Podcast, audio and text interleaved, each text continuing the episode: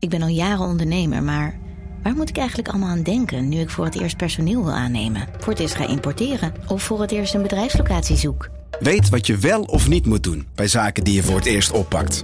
Check kvk.nl voor praktische stappenplannen. KVK, hou vast voor ondernemers. Hey podcastluisteraar. Ook op zoek naar een relevante invulling van je schaarse luisteruren? Tune dan in op de podcastserie ESG, even samengevat van BNP Paribas. Wij, Marloes en Aldert, spreken daar duurzame voorlopers en wereldverbeteraars. Waarover dan? Nou, bijvoorbeeld of we ooit duurzaam kunnen gaan vliegen. En waarom koeien in de stad nou een goed idee is? Dat en meer elke twee weken in een nieuwe aflevering. Dus abonneer je. ESG, even samengevat.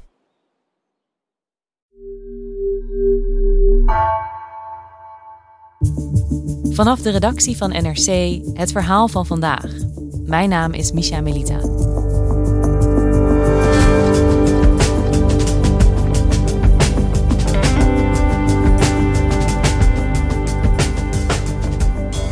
In 2050 wil de Europese Unie klimaatneutraal zijn. Dat is afgesproken in de Green Deal. EU-correspondent Clara van der Wiel reisde langs verschillende boeren in Europa en ging met hen in gesprek over wat de Green Deal voor hen gaat betekenen. De gevolgen zijn groot en één ding is duidelijk: de transitie gaat niet makkelijk worden.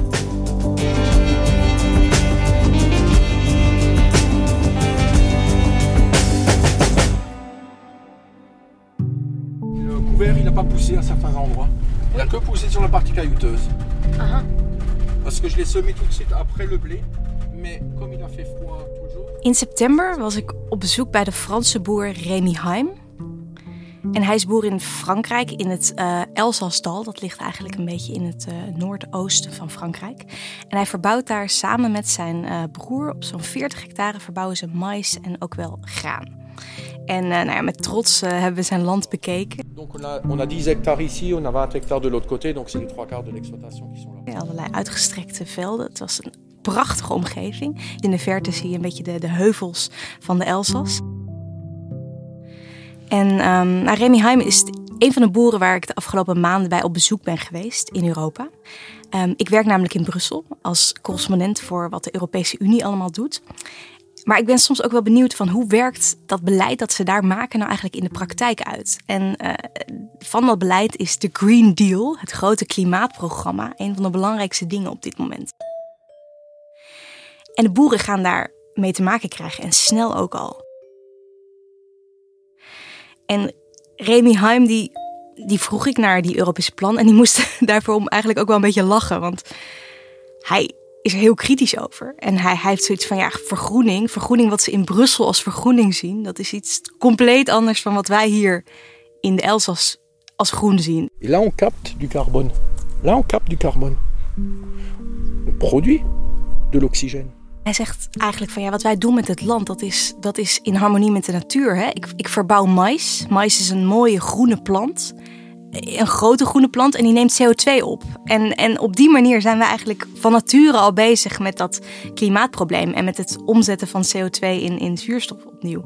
Dus dat, hij, hij, hij begreep eigenlijk heel slecht uh, wat, wat Brussel nou eigenlijk van hem vraagt. En we horen vaak over die Green Deal. Wat betekent dat specifiek voor boeren in Europa? Dat betekent eigenlijk dat ook de landbouw veel meer in harmonie met natuur en milieu moet gaan gebeuren. Op dit moment is landbouw verantwoordelijk voor ongeveer 10% van de emissieuitstoot in Europa. En het tweede grote probleem is natuurlijk dat landbouw, toch wel uit alle onderzoeken blijkt dat dat voor een heel belangrijk deel verantwoordelijk is voor het biodiversiteitsverlies in Europa. Daar moet dus eigenlijk een soort van ja, balans worden gevonden tussen die voedselvoorziening uh, waar landbouw voor zorgt en nou ja, het, het in stand houden van natuur en milieu in Europa. En wat in Brussel eigenlijk bedacht is, is om dat geld wat, wat altijd verdeeld wordt over die boeren in de vorm van landbouwsubsidies, om dat eigenlijk te gaan koppelen aan bepaalde groene maatregelen die boeren kunnen nemen. Um, en dat heet eco-regelingen. En het komt er in de praktijk op neer dat je als boer het geld dat je normaal gesproken gewoon kreeg, hè, in de vorm van landbouwsubsidies, dat je daar nu eigenlijk iets, iets groens voor terug moet doen. Een soort van financiële prikkel om, om een bepaalde maatregel te nemen. En Het komt uiteindelijk op neer dat 25% van die directe landbouwsubsidies gekoppeld worden aan die groene maatregelen.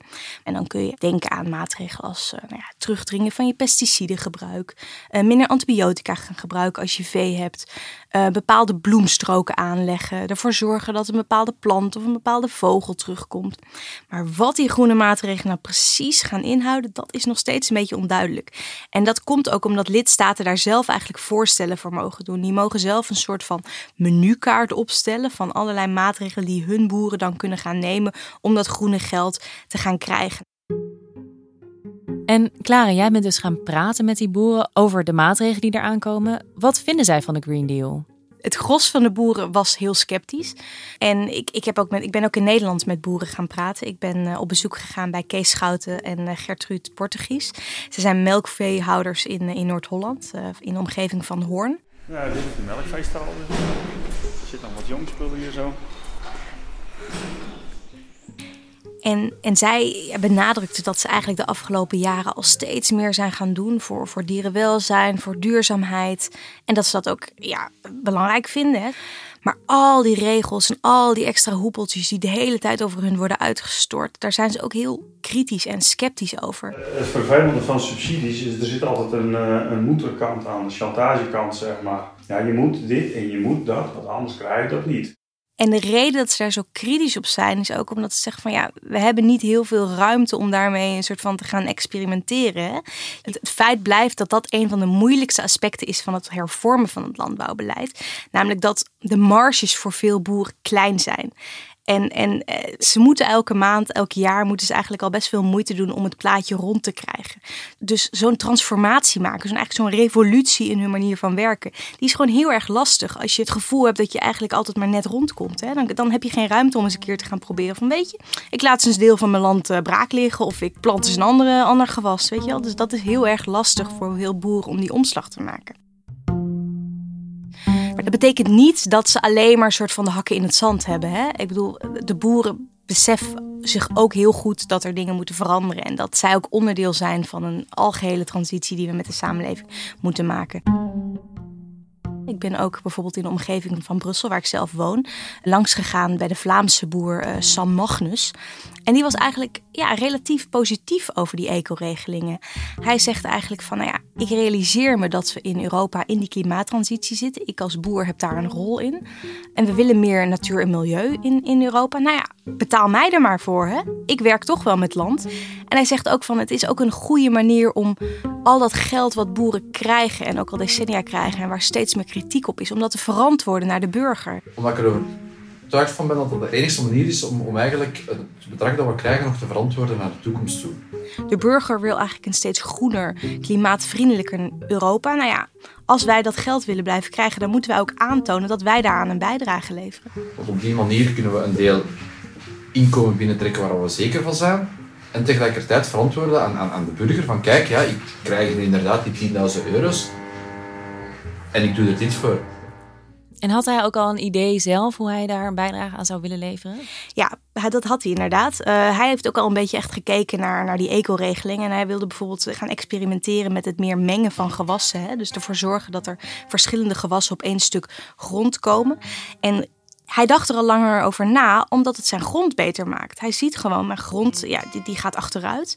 Als ik wat meer ga roleren met die gewassen, dan wordt die grond weer beter. Dus hij zegt van ja, ik wil dat eigenlijk sowieso wel doen. Nu komt er het geld, uh, wordt er tegenaan gesmeten. Nou, laten we dat eens gaan proberen. Dus, dus uh, dat is een manier waarop je ziet hoe die boeren ook echt wel bezig zijn met, ja, uh, met bij de tijd blijven en ervoor zorgen dat hun bedrijf innovatief blijft.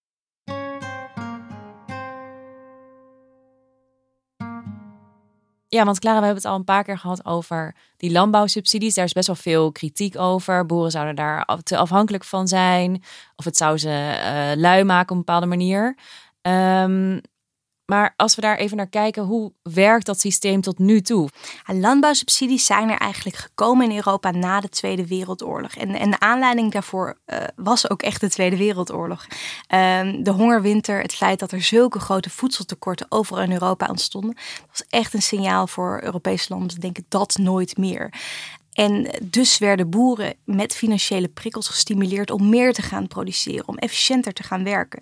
En de eerste decennia betekende dat eigenlijk dat er geld vanuit Brussel verdeeld werd voor hoe meer je produceerde, hoe meer geld je kreeg. Nou, daar is men in de jaren negentig van afgestapt, omdat dat eigenlijk heel erg stimuleerde dat er gigantische bergen boter, gigantische plassen melk uh, overtollig waren.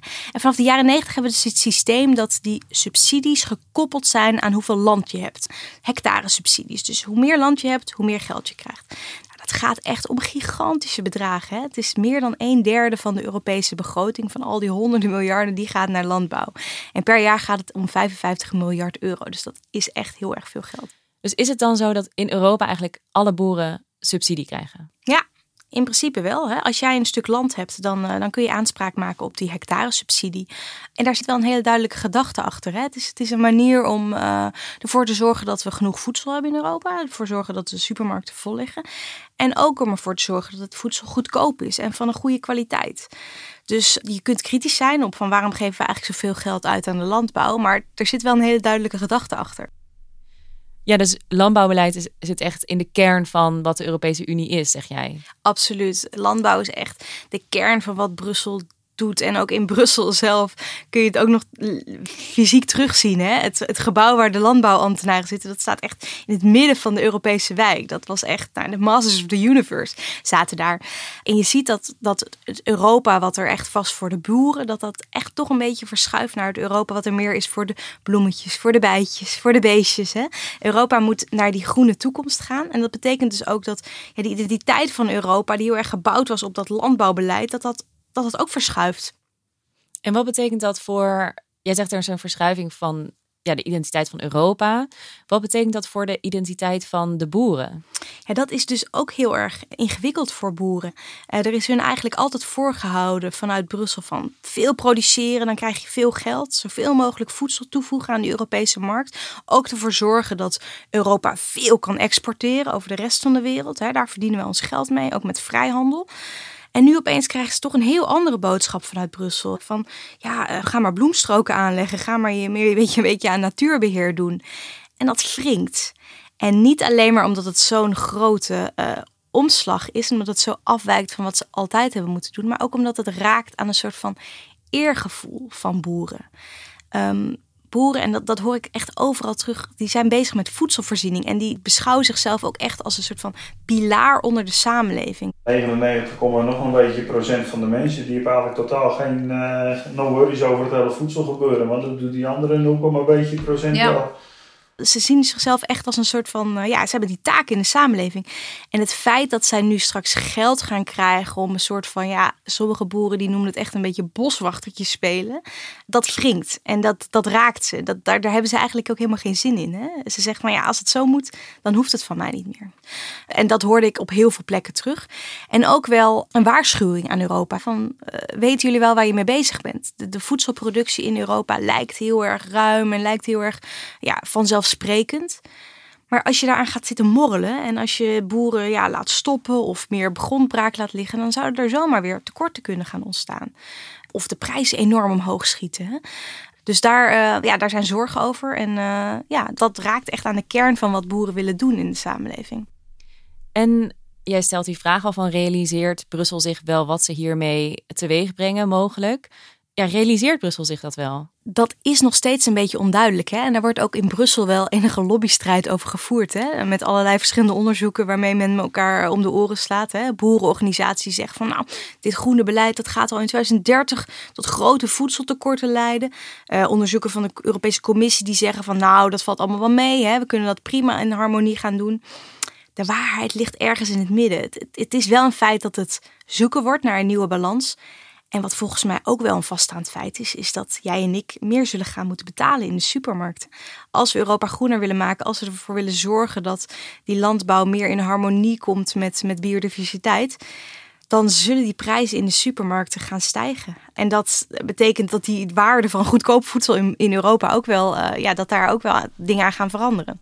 En hoe belangrijk is het voor de EU wat boeren ervan vinden. Wordt er wel eens met hen gesproken of uh, ja, worden zij meegenomen in het maken van dit beleid? Ze vinden zelf dat dat te weinig gebeurt.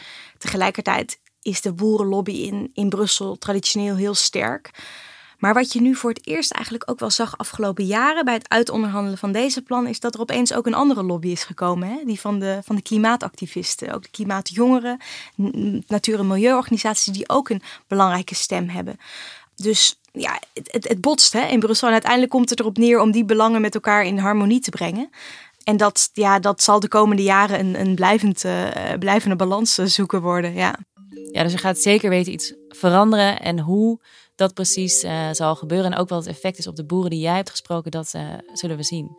Dat blijft afwachten. Hè? Boeren die kijken er met spanning en beven en beven naartoe. En bijvoorbeeld Remy Heim, waar ik was in de Elzas. Hè?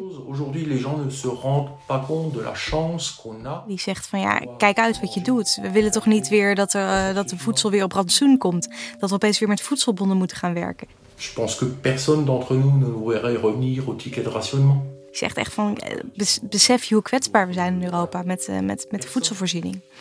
Ze hebben het gevoel van er komt heel veel op ons af, maar wat het nou precies gaat betekenen, we weten het nog niet. En ik uh, hoop dat ik uh, er misschien over een paar jaar nog eens terug kan gaan om te kijken hoe ze er, hoe ze er op dat moment tegenaan kijken. Dankjewel, Clara. Graag gedaan. Je luisterde naar vandaag, een podcast van NRC. Eén verhaal, elke dag. Deze aflevering werd gemaakt door Iris Verhulstonk, Lis Doutsenberg en Ruben Pest. Dit was vandaag, morgen weer.